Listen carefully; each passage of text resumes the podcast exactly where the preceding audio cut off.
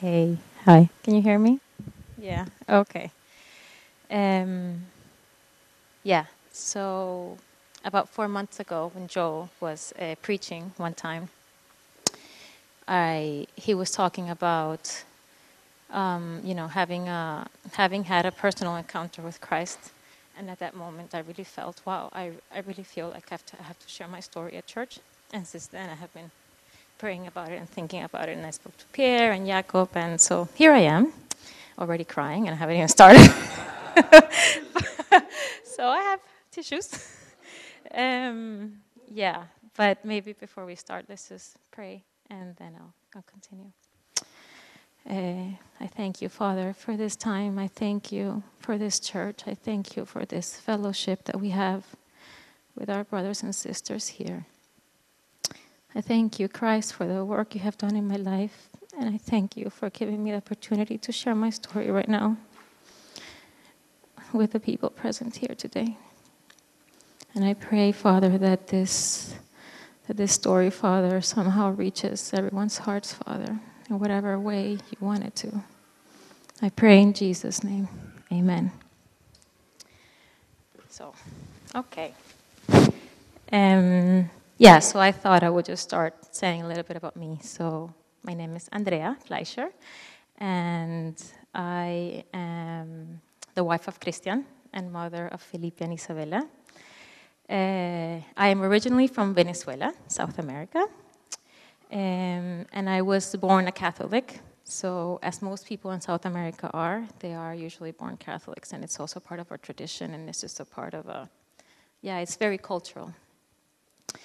Um, but actually, all my life, I, I remember since I was smaller, five or six years old, I remember that I have always been looking for acceptance. It was either the acceptance of my parents or the acceptance of my teachers or my friends. I was always looking for acceptance. I think, I think actually everyone is. I mean, every human being is looking for this acceptance. Um, yeah, uh, we were a Catholic family, but not practicing, so we were a light Catholic family. And there was some time when I was uh, a little bit, like, I don't know, 10 or 11, my mother met a missionary in, in Venezuela. And he started introducing uh, my mother to Christian faith. Um, and at the time, we were like, oh, these weirdos. I mean, we were so used to the Catholic Church that for us, anything besides Catholic Mass was just, yeah, it's not, it's not what it is.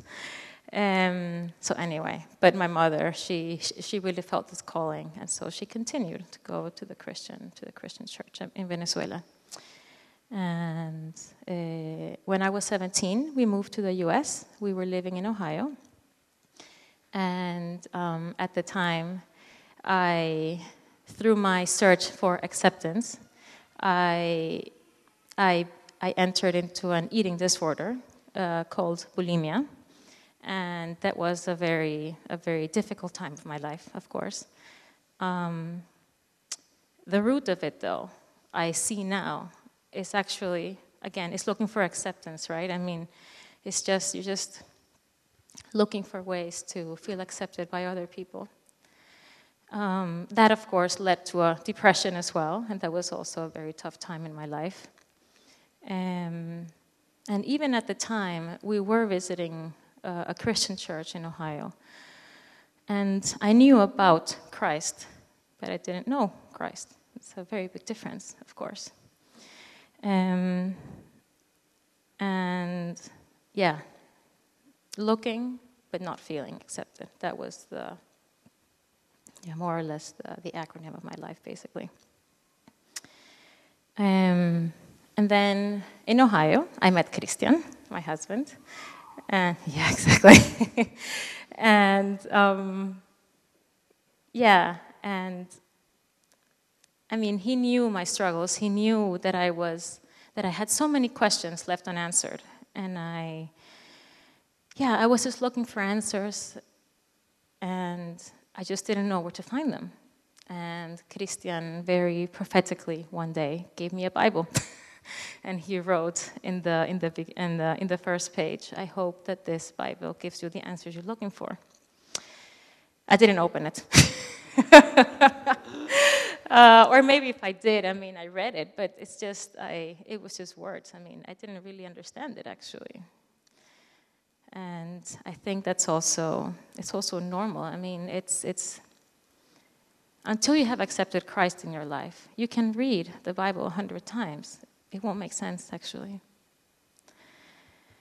Um, so yeah, and then from the from the U.S. we met, we moved to to Germany, um, and I must also say that that all this time, my mother has always been praying for each of us, for my dad, for myself, and for my brother to accept Christ in our lives. And this has also been the constant in her life to keep praying for us. Uh, so we moved to Germany, and I became a mother of Felipe, and of course, the best gift of, of life. Uh, but it was also a wake up call of how broken I actually am. I mean, being a mother really tests you. it really tests who you think you are, what you think you stand for, because it's so easy to lose patience. It's so easy to just fall into, yeah, into broken ways. So, yeah, we were living eight years in, in Germany, and then two and a half years ago, we moved to Sweden. And this is where, even though it's a very agnostic country, this is where actually I met Christ. And it was, it's like it's like the, the journey that Christ has been, he has been preparing me for this moment. So we moved to Sweden, and I remember Christian and I talking, and wow, everyone is a Christian here because everyone we met was Christian. and we were like, yeah, exactly. And we were like, this is such an amazing country. Everyone is a Christian here. yeah, I know. exactly. But the thing is, we moved I mean, it was, it was amazing. We were in Germany looking for a house through Blocket, didn't know Swedish. We ended up in a street called Tuskagatan, out of all, out of all streets in, in, in Gothenburg. And then uh, we were one day outside, and I don't remember how we met our neighbors two doors down, and they were Christians. And then we met them again at the preschool. And during the inschooling of Felipe and Isabella, we met Jacob and Emily, and they're Christians. so for us, it was really like, this, is, this is an amazing country. So, um, yeah. And then, yeah, but this is really just Christ's way of, of, of preparing my heart for, yeah, for Him. So, and then what happened was it was and a lot of a lot of people here know the story already because I love to share it. But it was it was my birthday, 7th of April, two years ago. I was turning 32, and at the time Isabella was a baby. She was six months old. So this, uh, Isabella was sleeping with me in our bed, and Christian was sleeping with Felipe in, in his room because you know not sleeping, babies, breastfeeding, etc. So, so it was my birthday, and I felt how um, Christian came to, to, to my bedroom and he kissed Isabella and he kissed me, and then he went to work because every morning he was leaving to work very early at around five in the morning. Um, and I really wanted to wake up and tell him, "Oh, thank you. That was so great of you. Thank you for that. It's very, uh, very special because he never did that. He just uh, went to work." And but I couldn't wake up to say that. So okay. Anyway, so we woke up and then we spoke on the phone, and he, oh, happy birthday. And I said, oh, yeah, thank you so much. And, and then I told him, oh, and by the way, it was so sweet of you to come this morning, you know, to, to kiss Isabella and to kiss me uh, for my birthday. That was so nice of you. And he was like, okay. I was like, no, yeah, really, it was so sweet of you. I loved it. It was so special. I really loved it. And he said, uh, Andrea, I'm so sorry. I don't know what you're talking about. And I was like, huh? That's weird. okay. Are you sure? And he's like, yeah, no, I, I'm, I'm sure. And I was like, okay, well, I mean, I don't think I'm crazy because I, I felt I felt him kissing me and I heard him kissing me and I heard him kissing Isabella. Okay, well, time goes on. My, my, my parents live in, live in America. in, in Florida, and my mom calls me, Andrea, happy birthday, blah, blah, blah. Yeah, thank you, mom. So, and then I told her the story. Mom, the weirdest thing happened last night. I, I, I felt someone kissing Isabella, or I, I heard someone kissing Isabella, and I felt someone kissing me in the night. And I thought it was Christian, but it wasn't him. And my mom starts crying. And I'm like, Mom, why are you crying? So she's a crier like me. so, and I was like, Mom, why are you crying? And then she said, Andrea, uh, last night I went to church because we had a service at church. And after, after the service ended, the pastor asked if anyone in the church had birthday that day. And I rose up my hand and I said, Well, I don't have birthday, but my daughter has birthday tomorrow and she lives in Europe. And the pastor said, Well, it's six hours from now, so why don't we pray for her? And she said, And Andrea, the whole church was praying for you. There were about 100 people praying for you.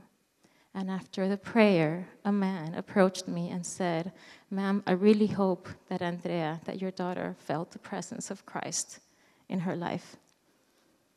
So at that moment, it was clear to me that the experience I had was a a physical experience of love with Christ. And that changed everything for me.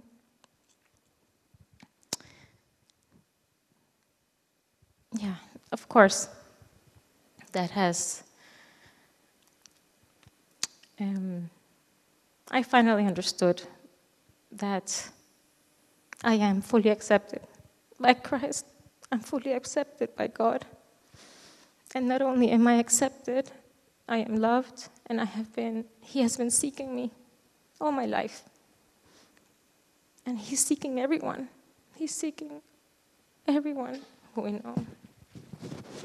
I mean, it's a, it's a constant through the Bible, right? It's, I mean, it starts in Genesis when Adam and Eve are hiding, and God asks, Where are you? Where are you? I mean, it's a constant in the church, in the, in the Bible. And it's also, of course, no one in the world can make us feel accepted the way that Christ accepts us because we are all human, imperfect humans. And this is also for me, uh,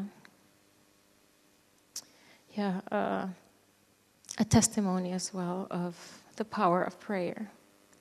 It's it's really amazing. I mean, prayer, it's, I always feel it's like having the lottery ticket in our, in our pocket, you know, we just have to take it and do, do it. And I, I mean, I don't know about you guys, but I don't do it enough. I feel like I should do it more because I, it's, it's just so powerful. And this, one of my favorite stories in the Bible, and I brought it here as well. And I, and I think it's also, or I feel it's the, it is basically what happened to, to me, I feel. It's from Luke 5 17. Jesus heals a paralyzed man. One day, as he was teaching, Pharisees and teachers of the law who had come from every village of Galilee and from Judea and Jerusalem were sitting there. And the power of the Lord was present for him to heal the sick.